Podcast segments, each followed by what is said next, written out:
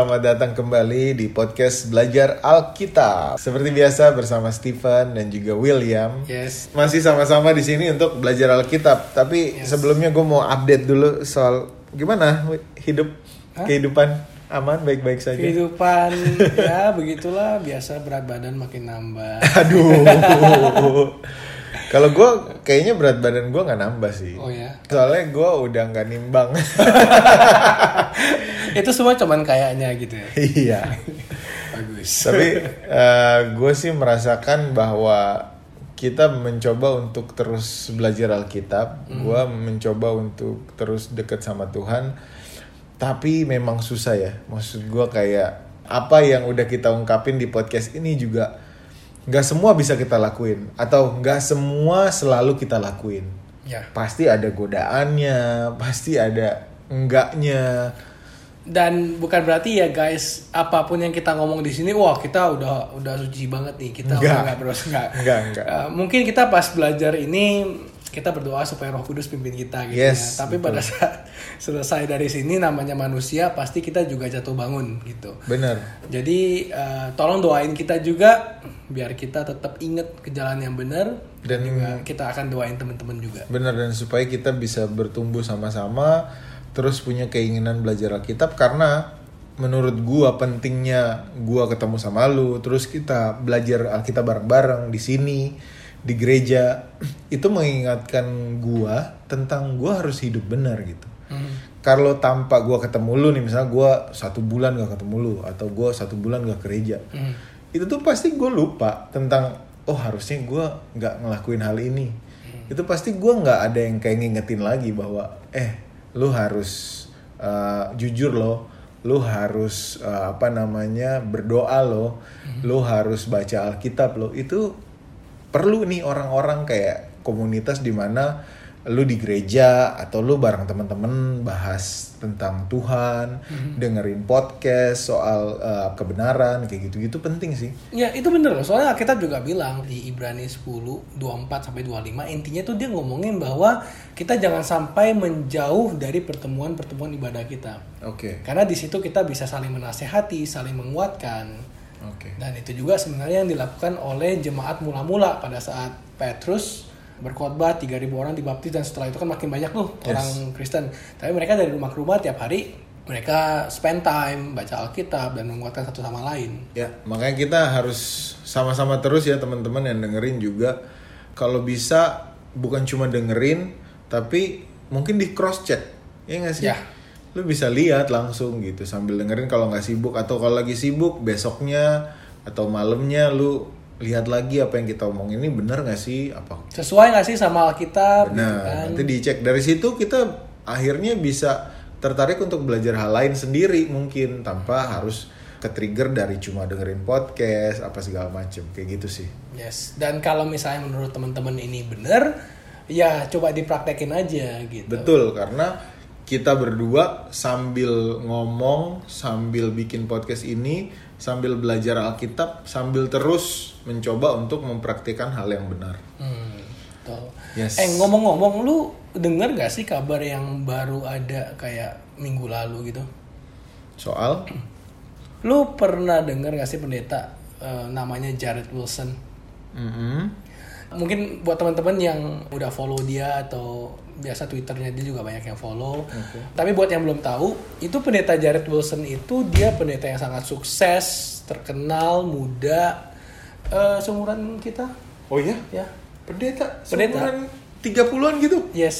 Wow. Dia di Amerika, dia mimpin mega church. Jadi Oke. bayangin banyak sih eh, banyak orang lah yang mengikut apa Yes. pengajaran pendeta dan ini. dan ada something yang interesting dari pendeta ini dia itu mendirikan satu grup uh, penjangkauan jiwa. Oke. outreach community gitu ya. Namanya Anthem of Hope. Oke. nah apa sih Anthem of Hope ini? Ini adalah kelompok untuk menjangkau orang-orang yang kena depresi. Yang banyak banget gara-gara depresi bunuh diri. Nah karena dia lihat ada kebutuhan di situ akhirnya dibikin Anthem of Hope supaya banyak orang depresi ini jangan sampai bunuh diri tapi supaya dia diselamatkan dan kenal sama Yesus gitu Dan berhasil tuh banyak. dan berhasil banget Anthem of Hope ini Makanya gerejanya juga jadi gede ya. jadi gede Oke. Tapi yang shocking adalah minggu ini tuh tiba-tiba kita dapat kabar di sosmed di mana-mana bahwa dia ditemukan suicide. Dia yang malah bunuh diri. Maharaja Jared Wilson ditemukan bunuh diri. Bunuh dirinya kapan? Sehari sebelum hari pencegahan bunuh diri sedunia. Gue juga baru tahu bahwa ada namanya hari pencegahan Bunuh diri sedunia. Dan tepat sehari sebelum itu setelah dia baru melayangkan funeral buat orang yang suicide, dia malah Suicide. suicide. Oke. Dan maksudnya tuh pas ngedenger kayak gini kayak man ini orang anak Tuhan Ya. spiritual maksudnya message yang dia kabarkan dia bisa sampai bisa menjangkau segitu banyak orang Dipakai Tuhan untuk memberikan harapan kepada orang-orang yang depresi ini. yes tapi kok kejadian yang kayak gini bisa Kejadian terjadi? sama dia ya. Iya ya, heran juga ya gimana ya, kenapa ya? ya tapi sebenarnya ini bukan kayak satu-satunya atau yang yang terjadi kayak gini sebenarnya tahun lalu juga gue udah sempet denger shocking news juga mungkin teman-teman bisa lebih familiar sama yang namanya uh, Joshua Harris Oke. nah kalau yang suka baca buku apalagi yang suka baca buku tentang relationship Hmm. Joshua Harris itu adalah penulis buku terkenal dia nulis buku waktu dia muda loh sekitar umur 2 early 20s gitu. Dia nulis yang eh, yang terkenal itu I Kiss Dating Goodbye. Kalau ke Gramedia ke mana pasti ketemu deh buku itu atau ke Christian Bookstore. Terus ada lagi Boy Meets Girl itu juga bukunya dia. Itu one of the best seller Christian book gitu. Oke. Nah dia itu ngomongin apa sih di situ dia Oh ngomong ini relationship tapi Christian book. Christian book gitu dan dan gue sebelum merit gue baca bukunya dia dan uh, it's amazing bukunya bagus banget. Apa yang terjadi sama dia? Nah jadi mungkin sedikit background bukunya itu ngajak anak-anak muda untuk supaya bisa mengenal satu sama lain dengan lebih sopan dan tentunya mengutamakan Kristus di tengah mereka gitu. Oke berarti tidak melanggar eh, yang ada di Alkitab Ya, gitu ya? sesuai dengan norma-norma yang ada di Alkitab. Kayak- Oke gitu. oke. Tapi tiba-tiba ini kejadian tahun lalu sekitar pertengahan tahun lalu dia tiba-tiba ngutip kayak gini. Saya tidak lagi setuju dengan pemahaman bahwa pacaran harus dihindari. Sekarang saya berpikir pacaran bisa menjadi hal yang sehat agar seseorang bisa mengembangkan pemikiran rasional dan belajar kualitas-kualitas yang paling penting dari kekasihnya. Bagi yang sudah membaca buku saya dan telah dituntun ke arah yang salah dan telah terpengaruh oleh buku saya, saya dengan tulus hati meminta maaf. Terus kan orang pada- bingung kan ini maksudnya apa? Jadi maksud lu semua buku lu yang lu udah tulis itu gak usah dibaca lagi gitu dan dan he literally dia maksudnya itu ya menurut dia yang dia tulis itu udah Salah. misleading orang gitu udah udah Padahal dia sebenarnya terinspirasi dari Alkitab. Yes, dan kalau kita baca bukunya, lu kayak bisa ngerasa ini orang kayaknya a man of God gitu loh dari Iya, iya. Alkitab gitu.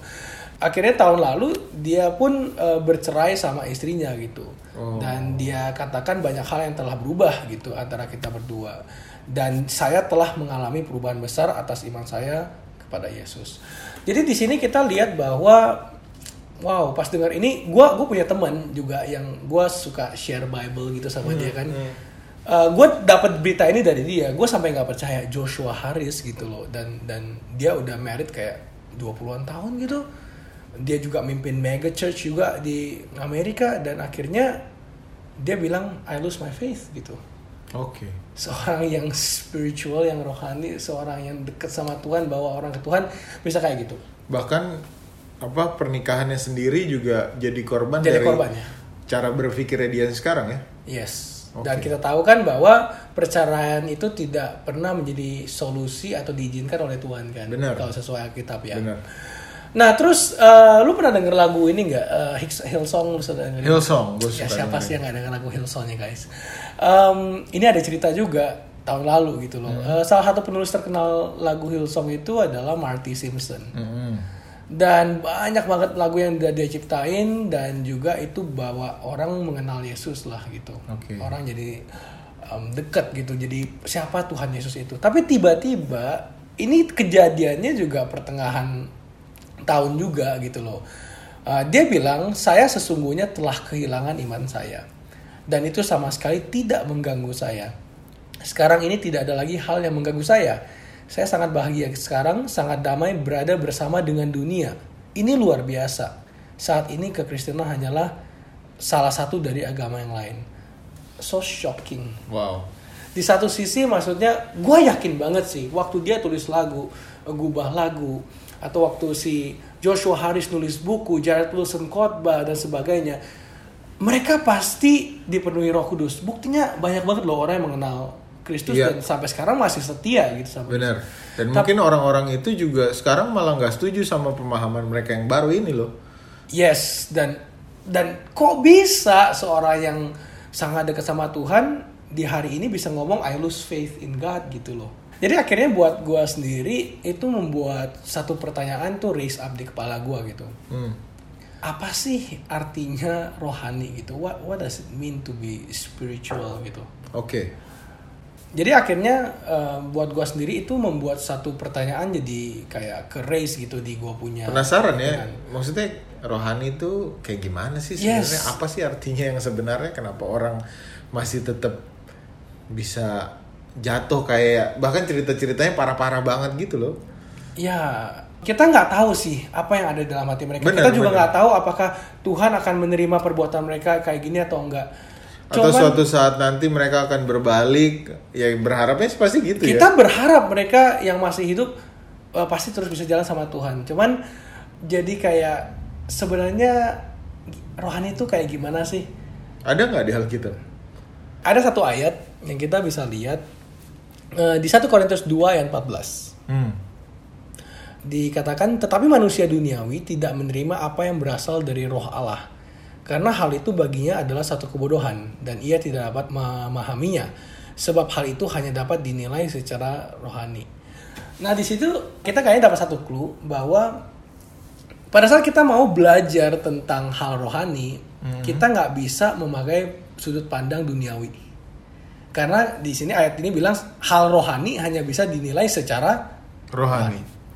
Oke, sebenarnya m- masih sedikit belum menjawab sih karena ya cara pikir kita sebagai manusia pasti pakai logika. Yes. Tapi memang pekerjaan Tuhan, apalagi kalau kita dengar yang minggu lalu ya eh, podcast kita barengan sama Herbert, itu tuh emang jalan Tuhan gak masuk di akal manusia nggak masuk di akal. dan akan bisa dipahami sama orang-orang yang memahaminya secara rohani juga kayak ya udah percaya aja deh ya udah deh apa kata Tuhan deh gitu mungkin gitu kali ya Iya dan dan kadang ke pas gue denger cerita kayak Herbert minggu lalu ya.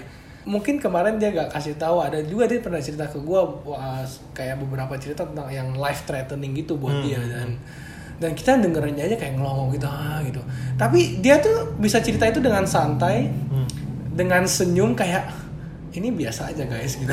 dan dan dan kayak dia tahu tuh bahwa Tuhan ngelindungin dia dengan caranya Tuhan yang kalau dipakai otak kita secara manusia nggak masuk akal gitu Dan lu tau nggak kan dia waktu itu bisa sampai podcast sama kita kan gara-gara visa dia ditolak gitu Yes. kan. Akhirnya kita kedapatan tuh hari buat podcast sama dia. yes Abis itu gue tanya dia kan, e, jadi visanya rencananya kapan? Oh rencananya e, keluarnya Kamis. Ah. Yakin Kamis pasti keluar? Enggak gue yakin. Oh oke, jadi nanti pesan tiketnya setelah visa keluar gue? Enggak kok, gue udah pesen tiket. Hah? Itu gue tanya dia hari apa ya? Hari Selasa. Ya, pokoknya abis kita podcast gitulah. Dan beneran terjadi tiba-tiba hari Rabu dia bilang ke gue, eh gue udah dapat confirmation ini yang gue punya visa udah di verified nih dari university di sana. Terus ya udah, gue berangkat Kamis pagi gue ambil visanya, gue langsung berangkat beneran coy dia berangkat langsung. Dia bahkan beli beli tiketnya tuh Kamis. Sebelum kita podcast, setelah dia ditolak. Iya iya luar biasa Iya. ya. Maksudnya ya, jadi em, itulah yang kita lihat eh, kayaknya sih dia pakai sudut pandang rohani gitu ya. Tapi ada sih satu ayat lagi yang siapa tahu bisa lebih membantu eh, menjelaskan sesuai dengan yang kita bisa pahami gitu ya. Oke, coba kita buka Yohanes 14 ayat 16 sampai 17. Oke. Aku akan minta kepada Bapa dan ia akan memberikan kepadamu seorang penolong yang lain supaya ia menyertai kamu selama-lamanya, yaitu roh kebenaran. Dunia tidak dapat menerima dia sebab dunia tidak melihat dia dan tidak mengenal dia. Tetapi kamu mengenal dia sebab ia menyertai kamu dan akan diam di dalam kamu. Nah, ini lebih jelas. Oke. Jadi pada saat Alkitab bilang kita nggak bisa menilai sesuatu yang rohani dengan sudut pandang duniawi Yes. dan di ayat ini mendukung dengan mengatakan of course nggak bisa karena mesti ada higher power Yes. yaitu Roh Kudus kan. Benar. Dan Roh Kudus memang tidak terlihat, tapi kalau kita mau berserah, dia menyertai kita dan diam di dalam kita. Yes. Dan di sini dib- dibilang juga dunia tidak dapat melihat dia. Iya. Emang secara dunia dan secara logika kita nggak pernah lihat Roh Kudus. Tapi gue pernah ada di momen-momen di mana gue ngerasa bahwa Roh Kudus menyertai gue, Tuhan menyertai gue. Kayak eh gue lagi berhenti di lampu merah kan gue naik motor nih, gue berhenti di lampu merah.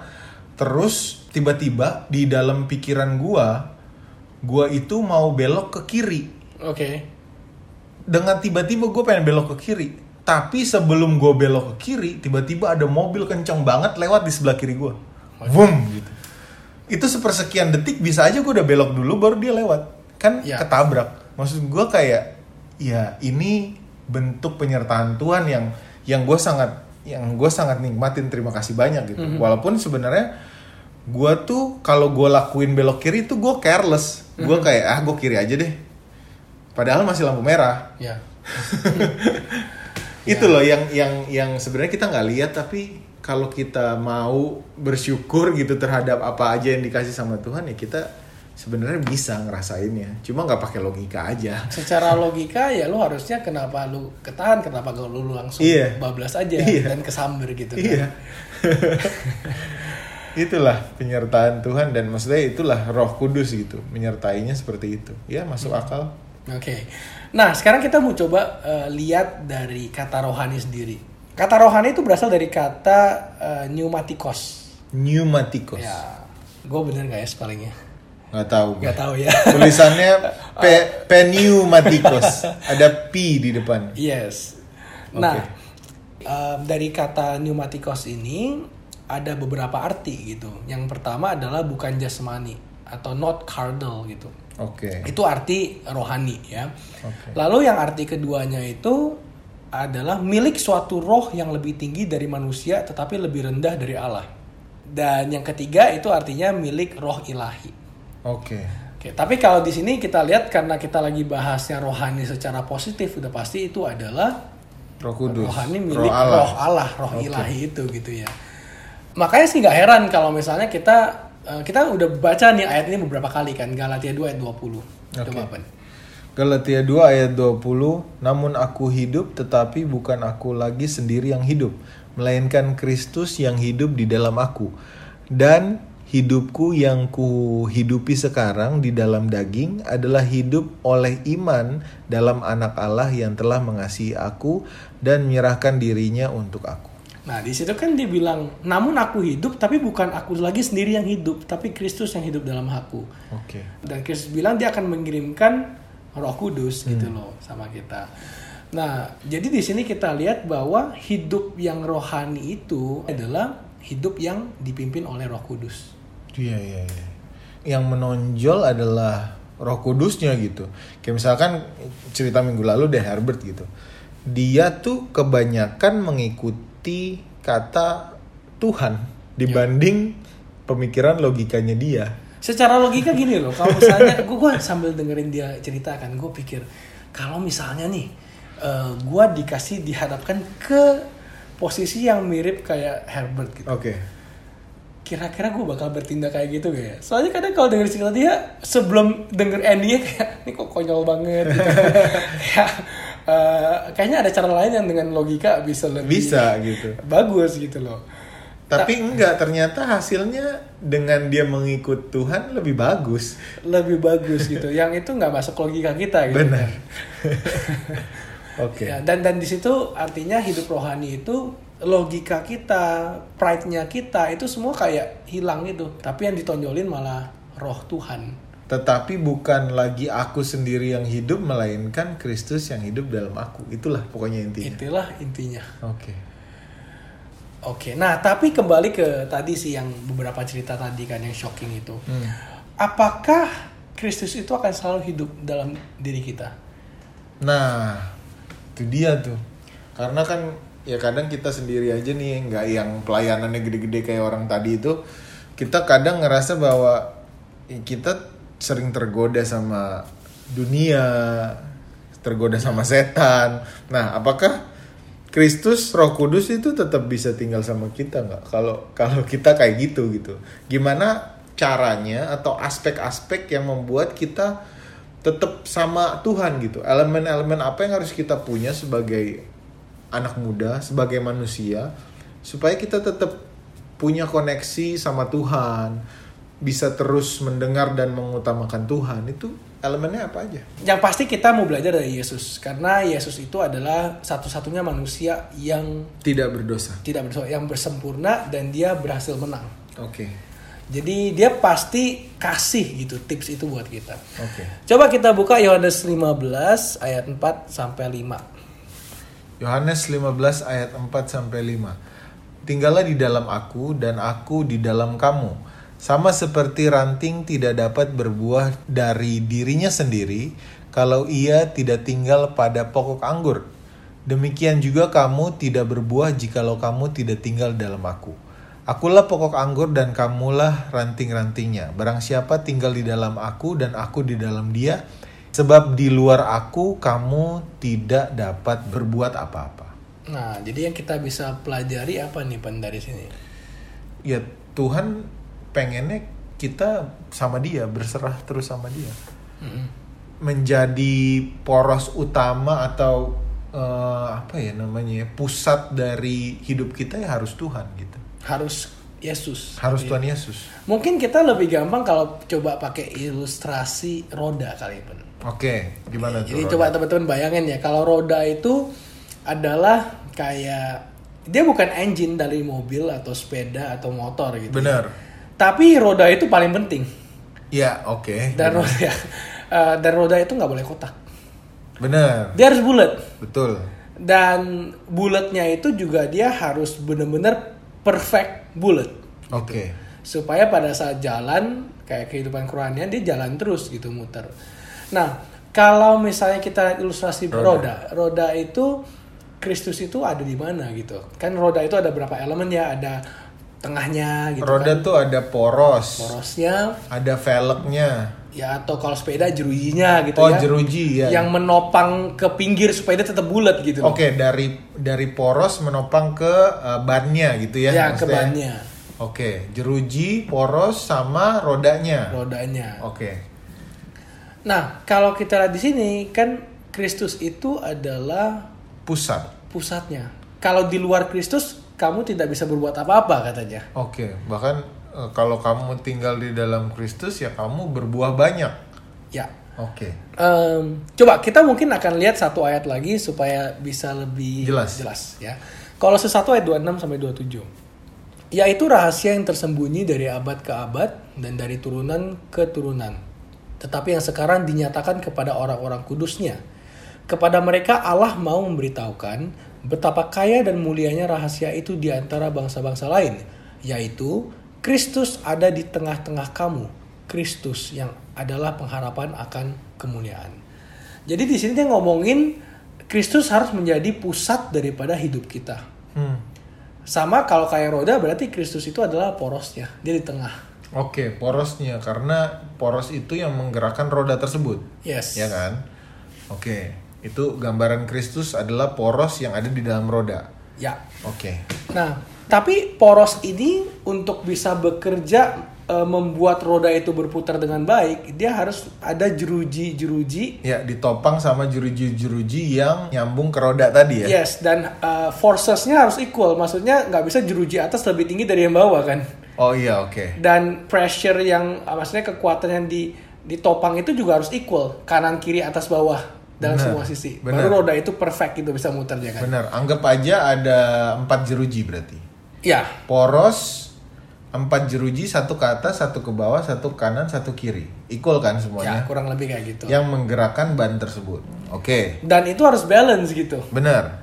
Nah, yang kita ingin cari tahu sekarang kalau Kristus adalah porosnya, centernya, ini empat jeruji ini apaan gitu loh. Oke, supaya bisa bergerak dan bisa eh, equal kekuatannya, bisa seimbang. Dan bergerak secara sempurna Oke, gitu. oke. Oke, jadi coba kita akan lihat apa nih eh, yang jeruji pertamanya gitu dari roda. Yohanes 8 ayat 31 sampai 32. Maka katanya kepada orang-orang Yahudi yang percaya kepadanya, "Jikalau kamu tetap dalam firman-Ku, kamu benar-benar adalah murid-Ku, dan kamu akan mengetahui kebenaran dan kebenaran itu akan memerdekakan kamu." Oke.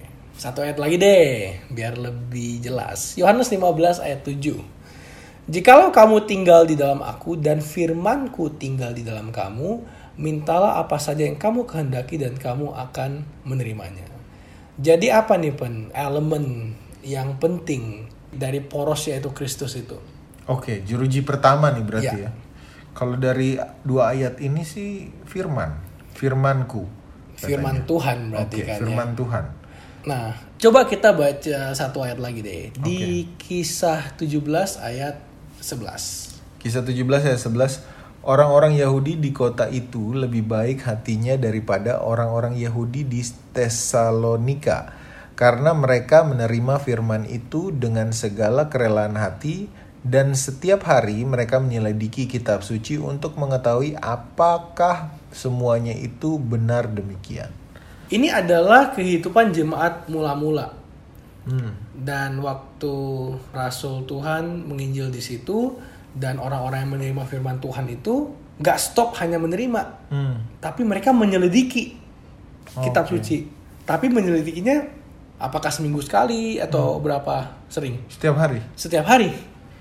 Jadi Bahkan ini di- dibuat perbandingannya bahwa mereka sama-sama Yahudi, tapi orang Yahudi yang ada di kota ini tuh lebih baik daripada orang Yahudi yang ada di kota. Tesalonika.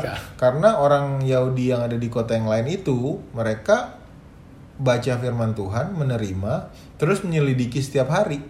Jadi kita lihat di sini bahwa firman Tuhan itu sangat penting untuk menjadi penopang daripada roda kekristenan kita. Oke, setiap hari dan menyelidikinya terus. Ya. Gimana kita mau berpusat sama intinya yaitu apa namanya porosnya Kristusnya kalau kita nggak pernah belajar firman Allah yang sebenarnya mengenalkan kita terhadap Tuhan. Yes. Membawa kita sebenarnya kepada porosnya itu yaitu Kristus. Yes. Tapi kadang-kadang lucunya gini loh, orang bisa aja bahkan kita gitu di momen-momen kita baca Alkitab kita lupa porosnya siapa. Oh iya ya. Akhirnya pas baca Alkitab kok mentah hari ini. Baca Gue udah baca loh. baca Alkitab kok ngantuk ya? Kok ngantuk? Karena em, motifnya mungkin karena gue udah janji sama pendeta gue mau baca eh, satu pasal seminggu gitu. Oke. Atau gue udah janji sama temen gue atau mungkin karena teman kita kayak memandang kita jadi kita harus kasih contoh. Motifnya bukan mau belajar tentang Tuhan Yesus, bukan mau Tapi- belajar tentang Allah, Hmm. tapi karena kebiasaan. Karena pressure bisa juga Ya. gitu dan Oke. akhirnya lupa sama porosnya. Oke, em, kita coba lihat beberapa elemen yang lain baru nanti kayaknya semuanya akan lebih make sense gitu ya. Jeruji berikutnya apa tuh? Yes, coba kita buka Markus 1 ayat 35. Markus 1 ayat 35, pagi-pagi benar waktu hari masih gelap, ia bangun dan pergi keluar. Ia pergi ke tempat yang sunyi dan berdoa di sana. Nah, ini juga yang Yesus lakukan tiap hari. Oke. Pagi-pagi benar, yang pertama kali dia lakukan adalah Berdoa. berdoa. Kalau lu yang pertama kali lu lakukan adalah Cek Instagram. sama. Agak kontras ya. Aduh, Jangan diikutin ya. Kalau kalau kalian pagi-pagi benar langsung berdoa itu udah benar. Tolong doain kita. Kenapa harus berdoa? Nah, ini Yesus juga jelasin. Dia juga minta loh muridnya buat berdoa gitu. Kenapa Will? Matius 26 ayat 40 sampai 41. Setelah itu ia kembali kepada murid-muridnya itu dan mendapati mereka sedang tidur. Dan ia berkata kepada Petrus, "Tidakkah kamu sanggup berjaga-jaga satu jam dengan aku? Berjaga-jagalah dan berdoalah supaya kamu jangan jatuh ke dalam pencobaan. Roh memang penurut tetapi daging lemah."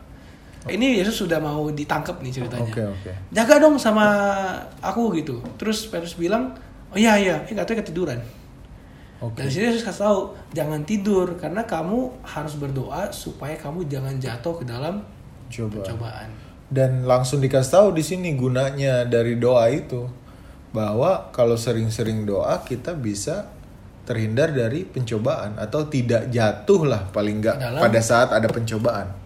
Yes. Oke. Dan dan sering kali kan gini ya, kalau kita ngomong tentang doa, oh orang bilang firman Tuhan itu cara kita mengenal Yesus. Cara Yesus berbicara sama kita.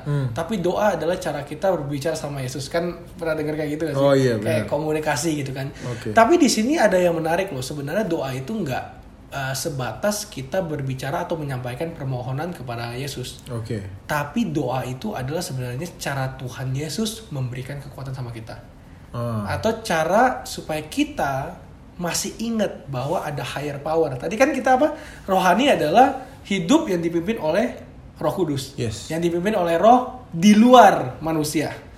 Dan pada saat kita lupa berdoa, itu sama aja kayak ngomongin gue nggak butuh roh yang di luar kekuatan manusia ini.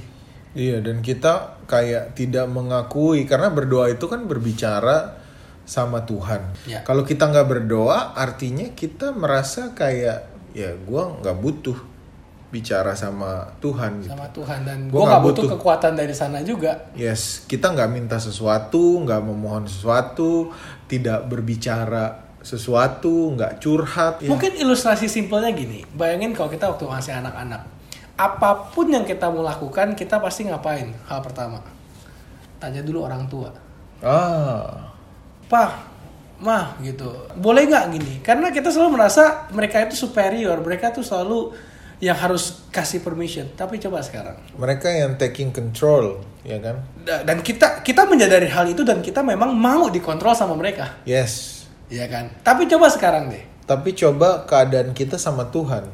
Yang Ya. kadang kita lupa bahwa ya Tuhan yang punya hak terhadap kita gitu. ya. Yang higher power tuh Tuhan. Kalau kita nggak sanggup, kalau kita punya masalah, kalau kita butuh sesuatu, harusnya kita nggak usah sendiri. Ya. Minta sama yang higher power, Higher minta power. sama yang sama Tuhan gitu. Bener juga ya. Doa itu gitu ya. ternyata. Dan dan faktanya bahwa kita sekarang apa-apa nggak pernah lagi minta permisi sama orang tua karena kita merasa gue nggak butuh kok orang tua gue juga tahu. kita udah ngerasa bahwa kita dewasa. Iya dan gue bisa melakukan ini sendiri tanpa bantuan lu pada. gitu kan? Oh, oke. Ya, ya, ya. And and begitu juga dengan doa. Kalau kita berdoa artinya Tuhan Yesus logika aku ngomong gini. Tapi aku mau berdoa supaya aku tahu walaupun logika aku begini, aku tahu kamu tuh lebih tinggi, maka aku lapor. Yes. Kalau kita nggak lapor berarti gue nggak butuh higher authority. Yes, yes, yes. Ya mungkin itu lebih eh, apa aspek yang berbeda dari yang mungkin selama kita pernah belajar tentang doa gitu ya. Bener. Dan kadang kita suka mikir gini. Kita nggak pernah berpikir bahwa ini sekarang masih bisa ngomong, masih bisa nafas itu karena yang di atas Ya. masih ngasih. Dan sering kali kita lupa loh. Dan sering kali kita ngerasa bahwa ini punya gua semua. Ya. Gua sehat karena gua, gua apa namanya bisa nafas karena gua, gua bisa melihat karena gua, gua bisa mendengar karena Gua gua. dapat rezeki juga karena gua. Iya, gitu itu kan? kita ngerasa selama ini kayak gitu. Padahal nggak karena kita sama sekali. Karena Tuhan. Karena Tuhan. Dan itu kita bisa ungkapin di doa. Ya. Dan itu kembali doa itu kalau dilakukan dengan sebenarnya itu akan membawa kita kepada poros itu lagi yaitu Yesus. Oke. Oke, jadi elemen apa lagi yang lain gitu ya? Kita buka Yohanes 14 ayat 15. Yohanes 14 ayat 15, "Jikalau kamu mengasihi aku, kamu akan menuruti segala perintahku. Oke, satu lagi deh, Bang. 1 Yohanes 3 24. Barang siapa menuruti segala perintahnya, ia diam di dalam Allah dan Allah diam di dalam dia. Dan demikianlah kita ketahui bahwa Allah ada di dalam kita yaitu roh yang telah ia karuniakan kepada kita. Hmm, Balik lagi kan ia di dalam uh, di dalam Allah dan Allah di dalam dia. Yes. Tapi barang siapa yang menuruti Perintah. perintahnya. Gue sih lebih terpukau sama yang Yohanes 14. Yohanes 14 ayat 15 Jikalau kamu mengasihi aku Jikalau kamu mengasihi Tuhan Kamu akan menuruti segala perintahku Ya. Menuruti segala perintah Tuhan Ya. Dan menuruti perintah Tuhan itu adalah didasarkan oleh kasih. Ya Kembali lagi kita lihat ujung-ujungnya Yesus lagi di tengah. benar Karena selama ini orang berusaha menuruti perintah Tuhan Karena takut punishmentnya Karena takut berbuat dosanya Karena takut nerakanya Tapi yang sebenarnya kita nggak sadari adalah Seharusnya kita tuh mengasihi Tuhan Karena Tuhan tuh kasih banget sama kita.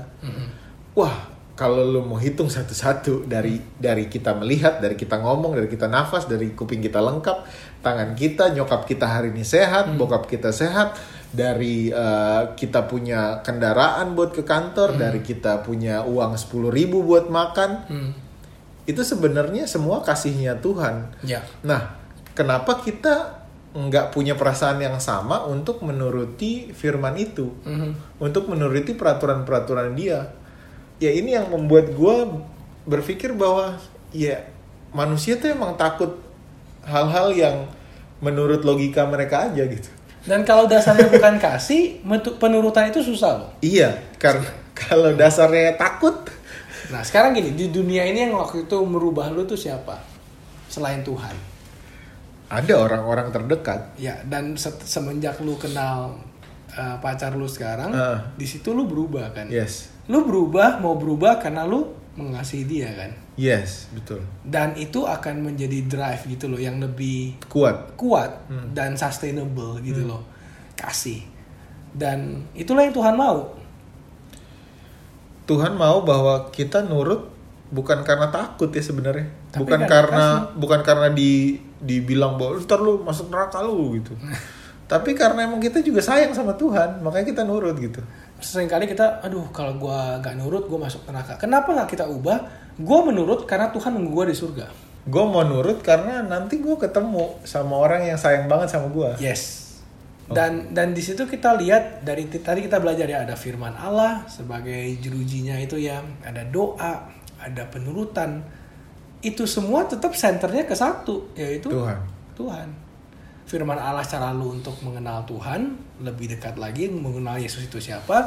Doa itu membuat lu merasa uh, bahwa ya gue butuh kekuatan karena kekuatan gue sendiri gue sadar itu nggak bisa bantu gue dan penurutan ada refleksi bahwa gue sadar ada yang mengasihi gue dan gue mengasihi Yesus. oke udah tiga jeruji nih sekarang Yes. satu Dan dua tiga yang terakhir. yang terakhir Ya. jeruji terakhir Yang terakhir adalah di Yohanes 15 ayat 26 sampai 27. Jikalau penghibur yang akan kuutus dari Bapa datang yaitu Roh kebenaran yang keluar dari Bapa, ia akan bersaksi tentang aku, tetapi kamu juga harus bersaksi karena kamu dari semula bersama-sama dengan aku. Nah, kalau Roh Kudus itu datang kita harus Bersaksi. bersaksi. Coba kita baca beberapa ayat lagi. Yesaya 43 ayat 10 sampai 11. Kamu inilah saksi-saksiku, demikianlah firman Tuhan. Dan hambaku yang telah kupilih supaya kamu tahu dan percaya kepadaku dan mengerti bahwa aku tetap dia. Sebelum aku tidak ada Allah dibentuk dan sesudah aku tidak akan ada lagi. Aku, akulah Tuhan dan tidak ada juru selamat selain daripada aku. Di sini perjanjian lama buku Yesaya. Ah, Tapi Tuhan bilang aku ini juru selamat. Berarti yang ngomong ini siapa? Tuhan Yesus. Yesus lah. Karena kan Yesus adalah juru selamat kita. Dan Yesus bilang, kamu ini Saksi-saksiku. saksiku. Oke. Karena kita tahu bahwa Tuhan Yesus itu juru selamat kita dan karena kita bersama-sama dengan Dia, kita harus menjadi saksi-saksinya Dia. Bilang ke orang bahwa Tuhan Yesus itu juru selamat gua. Yes. Dan kalau kita lihat, perhatiin dari tadi aspek yang kita bahas, firman Tuhan itu lebih kayak kita sama Tuhan. Oke. Ya. Lebih internal gitu ya. Doa juga. Penurutan juga. Oke. Tapi itu nggak lengkap kalau cuman kita sama Tuhan doang. Tuhan pengen apa yang udah kita rasain bersama Tuhan itu juga kita share ke orang lain, gitu. Yes. Di itu harus tumpah keluar. Oke. supaya orang lain bisa ngelihat itu merasakan itu dan akhirnya mereka tumpah lagi ke orang lain dan tumpah lagi dan tumpah lagi Yes, yes. ingat gak sih kita pernah bahas waktu itu kan Matius 28 kan ayat 19 sampai 20 habis lu dibaptis lu declare lagi ke orang lain orang lain lu ajarin lagi nanti menerima Tuhan lagi dan seterusnya Iya, betul. dan itu akhirnya yang membuat roda itu komplit Oh. Jadi udah empat tuh, udah kuat tuh seimbang. ya Ada firman Tuhan tadi yes yang harus kita baca setiap hari dan selidiki setiap hari. yes Ada doa yang harus kita lakukan pertama kali sekali pada saat kita bangun Ya. atau ya kalau sekarang ya bangun tidur makan apa segala macam doa Setiap hari juga kan? setiap hari juga lalu penurutan karena kita sayang sama, Sama Tuhan Yesus. karena Tuhan Yesus udah kasih duluan sama kita dia udah sayang duluan udah berkorban duluan sama kita harusnya kita juga sayang dan kasih sama Tuhan Yesus Melalui melalui penurutan, Penurutan. menuruti perintah-perintahnya, jangan melanggar. Kita takut melanggar bukan karena kita takut dihukum, Mhm. tapi karena kita kasih sama Tuhan. Kita nggak mau nyakitin orang yang sayang sama kita. Betul. Lo tau gak? Gue sama istri gue sering banget kayak dia bikin rules gitu kan. Oke. Pokoknya maunya gini. Kalau misalnya nggak sesuai rule-nya itu dia bakal sedih. Oke. Sering kali gue tuh nggak ngerti kenapa dia buat rule itu. Dan secara logika gue kadang-kadang Aduh, ribet. kok ini ribet apa ini nggak masuk akal gitu. Oke. Tapi gue akhirnya menuruti itu. Padahal ini masih roh istri ya, Ya, bukan ini, roh kudus ya. ini baru istri. Iya. Oke. Dan kan kan marriage itu katanya harus merefleksikan eh, sebenarnya Tuhan mau kasih tahu yang lebih baik lagi melalui pernikahan. Ya, Oke. berarti ini gue bisa jadiin ilustrasi. Jadi gue akhirnya men- menjalankan sesuatu yang gue juga Sebenarnya kurang setuju. kur- mungkin bukan kurang setuju tapi kurang ngerti. Oke. Kenapa harus begitu gitu ya? Oke. Eh, kurang ngerti tapi karena daripada dia sedih kalau misalnya gue gak melakukan ini Hmm. ya gitu ya akhirnya gue karena menyayangi dia gue lakukan gitu Oke. tapi dengan gue melakukan itu dia makin sayang sama gue jadinya gitu misalnya contohnya eh, dia tuh agak detail gitu kalau tidur buat anak-anak bantal itu misalnya posisinya harus begini-begini gue nggak ngerti Eh, sebenarnya kalau posisinya gini-gini juga menurut gue oke Nggak gitu apa-apa gitu. apa-apa tapi gue nggak berusaha untuk melawan dia terus dan ikutin maunya gue ya ya udah gue ikutin lu aja walaupun gue Hmm. gak gitu ngerti kenapa tapi itulah penurutan oleh oleh kasih gitu Itu yang bikin apa yang kita lakuin sesuai dengan apa yang dia mau, eh dia happy. ya paling kalau misalnya ada hal lain yang lebih penting ya gue paling tanya ke dia yang ini kayaknya penting dibahas nih Oh, iya, oke. kenapa gitu tapi kalaupun misalnya gue lihat oh garis besarnya oke tapi detailnya gue gak gitu ngerti tapi kayaknya ini udah bener deh ya udah kita menurut gitu loh Ini gue ada contoh sih sebenarnya dari hal ini. Gue tuh dulu kan suka ke klub oke dulu. Nah awal-awal gue pacaran sama Vania itu dia nggak pernah ngomong bahwa dia nggak suka ngelihat gue ke klub. ah oke Berjalan berapa lama, gue kalau klub selalu bilang, Hmm. gue pergi malam selalu bilang, gue melakukan ya pokoknya gue pergi malam-malam terus ya lu tau lah pasti di klub gue minum alkohol apa Ya. segala macam. Ya gue cerita aja gue eh, malam aku malam ini ke ini ya. Terus di suatu hari dia bilang, aku nggak suka kamu ke klub. Hmm. Dalam pikiran gue itu nggak masuk akal, karena gue ke klub nggak bohong sama lu. Hmm. Satu poin gue bilang karena gue berusaha jujur Mhm. iya kan Iya. gue bilang karena gue menghargai lu yes makanya karena lapor bener karena bisa aja gue nggak bilang Mhm. iya kan udahlah tapi dia bilang pokoknya aku nggak suka uh, kamu ke klub Hmm. Tanpa dia kasih tahu sebenarnya dia nggak suka gue ke klub pasti gue apa, karena apa alasannya Iya, gitu pulang ya? malam pasti, pasti gue minum alkohol, kesehatan gue, apa segala macam. Detail itu dia nggak bilang, cuma dia bilang bahwa kalau kamu ke klub lagi, kamu bikin aku sedih. Hmm. Terus gue berpikir, gue kan sayang sama orang ini ya, gue nggak pengen ngelakuin apa yang membuat dia sedih membuat dia sedih, nggak gue lakuin lagi. Akhirnya gue sadar bahwa, oh ini toh yang dia maksud. Gue akhirnya terhindar dari kehidupan gue yang lama, Mhm. yang berada di lingkungan yang salah. Mhm.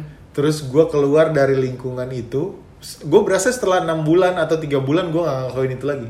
Oke. Setelah gue nggak ngelakuin itu lagi, gue ngerasa bahwa oh gue bisa nih deket sama Tuhan. Mhm.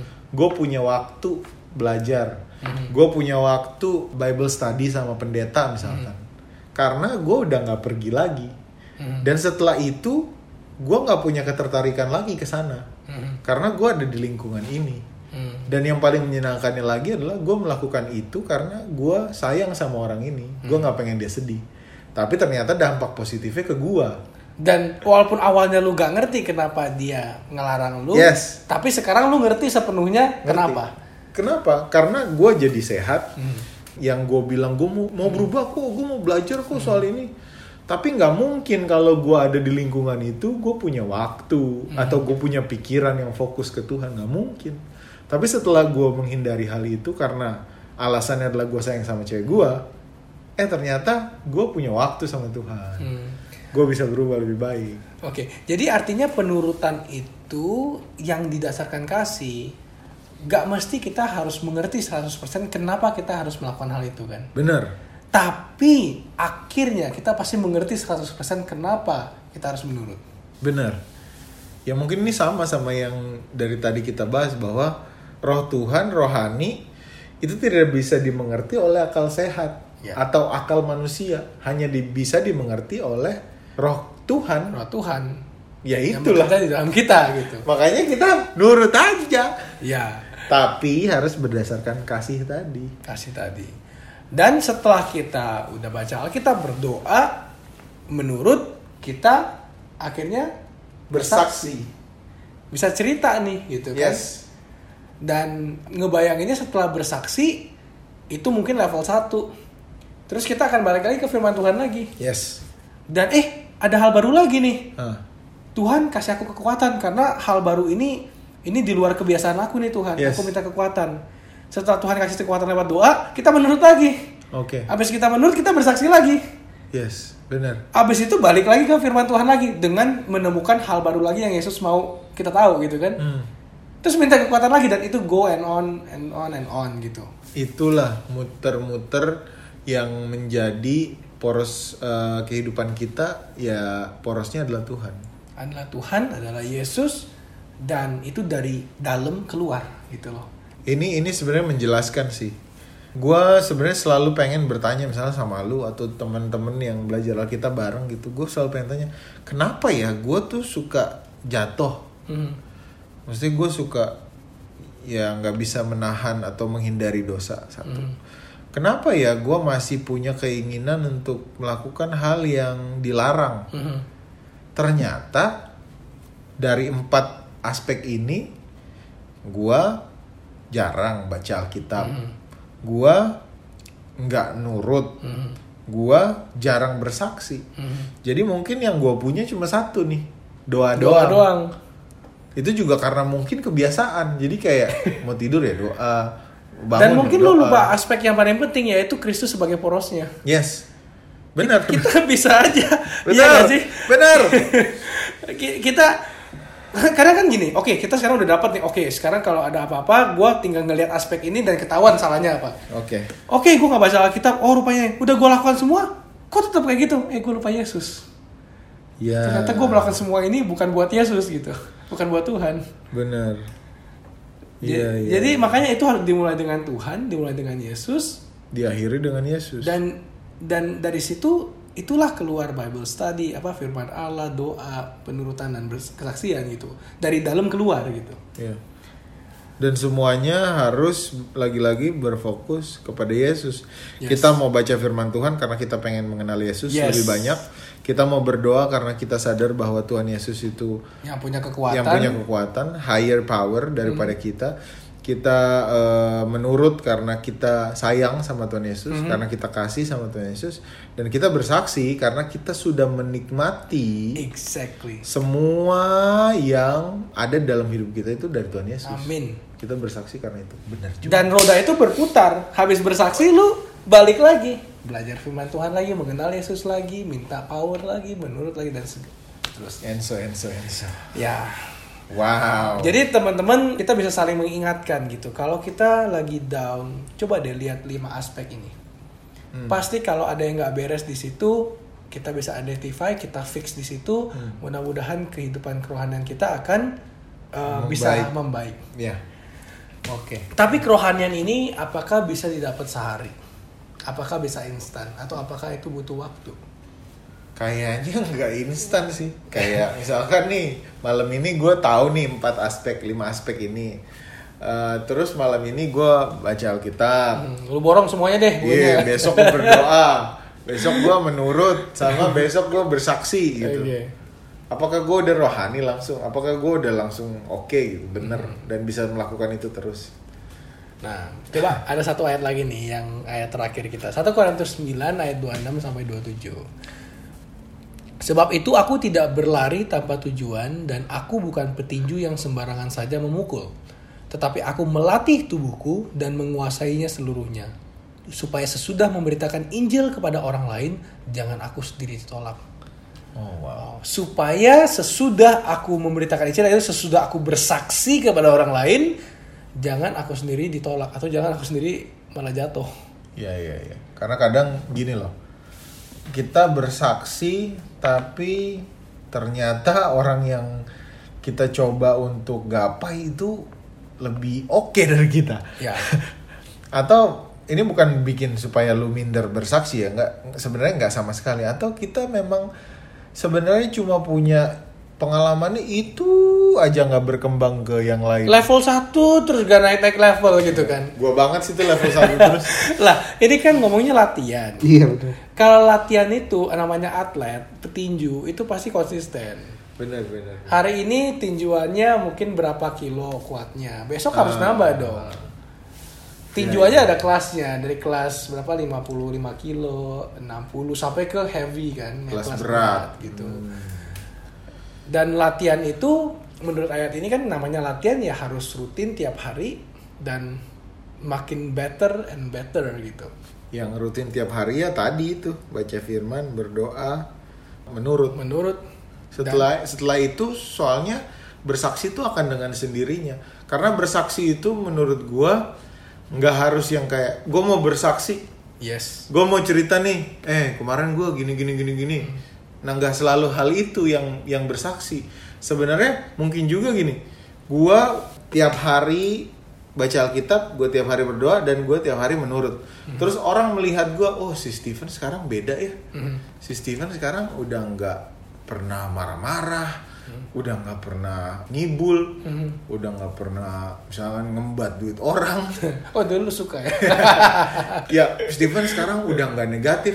Menurut gue itu juga bersaksi loh, Iya. tanpa kita bilang bahwa kita gini loh, gue sekarang ini loh itu loh. Gitu. dan, dan orang sendiri yang ngelihat, eh ini orang kayaknya udah berubah nih. Iya iya iya. Ini orang sakit atau apa gitu. Tapi ya pasti gitu kan pertama kali, tapi lama-lama kayaknya sakitnya beneran nih. Jadi kayak atau dia dia udah berubah nih gitu.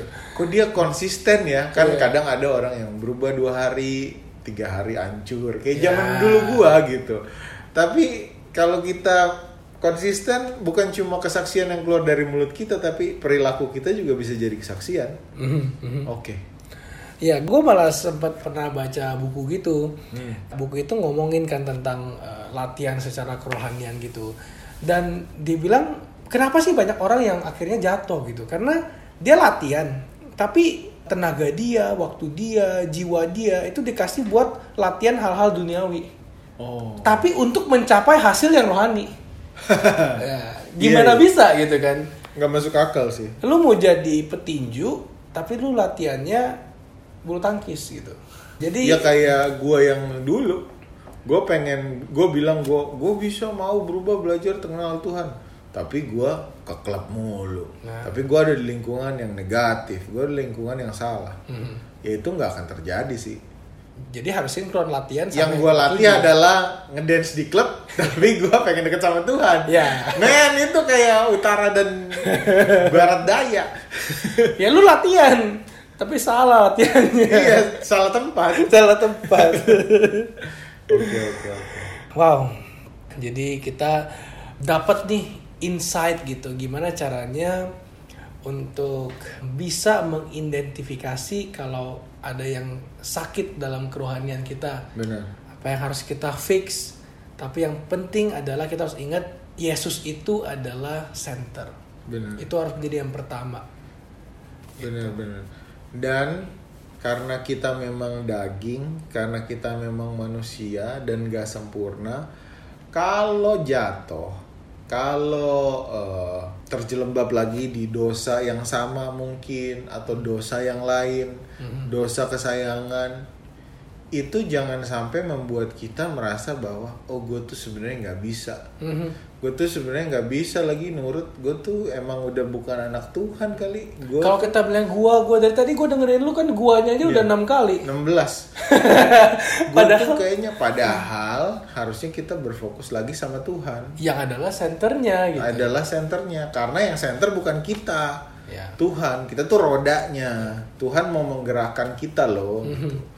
nah ya udah kalau kayak gitu minta ampun lagi aja Minta ampun, minta dikuatkan lagi aja minta higher power, Yes. berdoa sama Tuhan. benar dan jangan ke jangan kehilangan atau jangan menghilangkan kebiasaan yang udah lu build misalkan dua bulan lu build seminggu lu build eh, dua hari tapi karena lu jatuh dalam pencobaan terus lu ah udahlah gua nggak usah gini lagi Dan lu merasa bersalah kan kayak Mhm. "Hah, udahlah gua nggak usah gini lagi gua nggak pantas lah Habis itu lupa. iya Pergi. karena lu harus keep itu walaupun jatuh ya itu itu bener sih Mhm. kita harus ingat itu Itulah latihan. Latihan juga gak langsung pinter gitu. Bener juga. Petinju latihan dua kali berantem kalah, tapi Ya. kan dia nggak berhenti. Gak langsung quit. Ya latihan lagi gitu. Iya, iya benar Ya gitu. Iya iya iya. iya. Oke oke. Ya. Jadi mudah-mudahan teman-teman yang udah lagi dengerin di sini bisa ingat bahwa pertumbuhan kerohanian itu adalah latihan. Yang paling penting adalah Tuhan, Ya. poros utamanya. Kalau semua tadi kita lakuin tapi menjadi kebiasaan doang dan kita nggak inget Tuhan adalah poros utamanya, pasti kita tetap jatuh. Mungkin yang dialami tiga orang tadi di atas Yes, sebagai contoh. Dan uh, gini loh, maksudnya dulu kan gue sempet tuh waktu zaman zaman SMA ikut-ikutan fitness gitu. Terus? gue waktu itu sempet ada lihat, jadi PT gue punya temen. uh, itu temennya itu udah tua gitu, udah mungkin umurnya 40 tahun. Di di gym itu aja semua pada panggil dia om gitu. Hmm.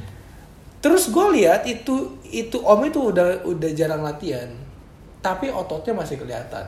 Hmm. Nah di situ gue ngelihat bahwa wah untuk bangun otot kan gue tanya kok itu udah si om itu nggak pernah latihan tapi ototnya masih kelihatan keker gitu. Maksudnya nggak sekeker-keker apa tapi shape-nya kelihatan. Oh iya itu orang dulu latihannya konsisten banget selama puluhan tahun. Hmm. Sekarang dia masih maintain, cuman maintain. Jadi mungkin seminggu cuman nge-gym tiga kali. Hmm.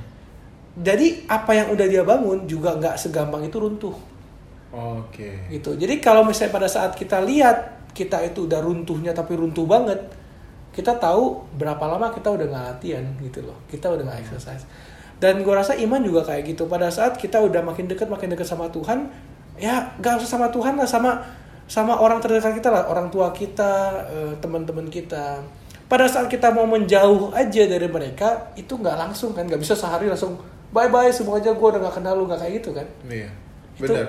yang pertama ngobrolnya tiap hari jadi seminggu sekali jadi sebulan sekali jadi setahun sekali jadi gak pernah ngobrol tiba-tiba eh 20 tahunnya kita gak ngobrol gitu ya jadi artinya jangan takut untuk tiba-tiba jatuh iya jatuh tapi Tuhan tuh akan loh kita udah deket gitu loh sama Tuhan Hmm. kecuali kita selalu reject reject reject reject ya bisa jatuh jadi gue kadang wonder kayak misalnya cerita yang tiga tadi gitu ya Hmm. itu pasti bukan kejadian semalam Iya.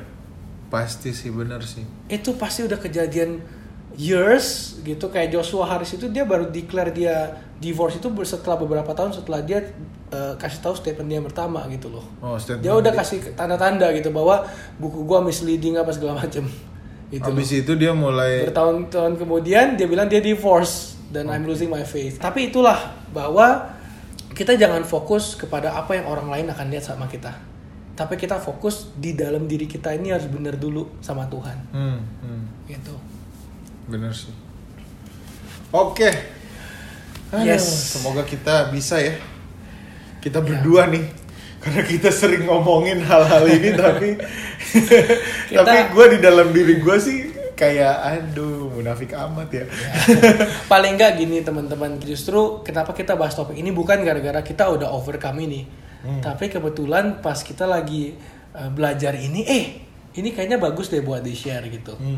ya mudah-mudahan kita akan bisa bersaksi dengan kesaksian-kesaksian yang lebih besar lagi Yes. ya Oke. Thank you semuanya udah belajar Alkitab sama kita dan kalau ada pertanyaan atau ada topik yang mau kita diskusikan bisa email ke belajar Alkitab podcast at gmail.com Oke, kita berdoa yuk sama-sama. Oke, nggak? Boleh. Lu, lu berdoa dong.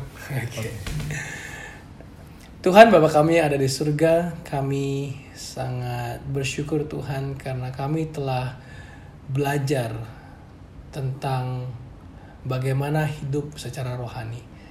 Tuhan kami tahu bahwa inilah aspek-aspek dalam kehidupan kami yang harus kami jaga, tapi kami harus terus ingat bahwa pusatnya adalah Kristus, pusatnya adalah Tuhan.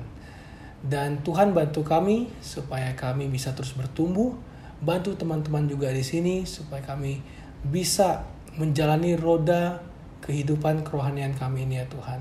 Selalu bersama dengan Tuhan dan kami akan bisa terus bersaksi dan terus bertumbuh di dalam Engkau. Tuhan mungkin pada saat ini ada teman-teman kami yang sedang mengalami pergumulan, kami berdoa khusus untuk mereka ya Tuhan, supaya Engkau akan memberikan mereka kekuatan. Kekuatan bukan dari mereka sendiri, biarlah diri mereka, mereka akan rendahkan dan mereka akan meninggikan Tuhan dan membiarkan Tuhan bekerja di dalam diri mereka. Tuhan bantulah kami semua, biar kami sama-sama akan menantikan Engkau sebagai juru selamat kami dan didapati sebagai orang yang benar. Terima kasih ya Tuhan, di dalam nama Yesus kami telah berdoa. Amin. Amin. Wow. Ini mungkin akan jadi kebiasaan baru kita ya. Yes, untuk Kita buka dan tutup podcast ini dengan doa. doa. Bagus juga. Bagus juga kita berdoa sama-sama karena biasanya kita berdoa berduaan doang. Iya, sebelum podcast ini mulai dan kita nggak pernah masuk ke ini di dalam podcast. Iya. Oke, terima kasih ya teman-teman yang udah dengerin. God bless you all. Oke, Bye-bye. bye-bye. Banyak yang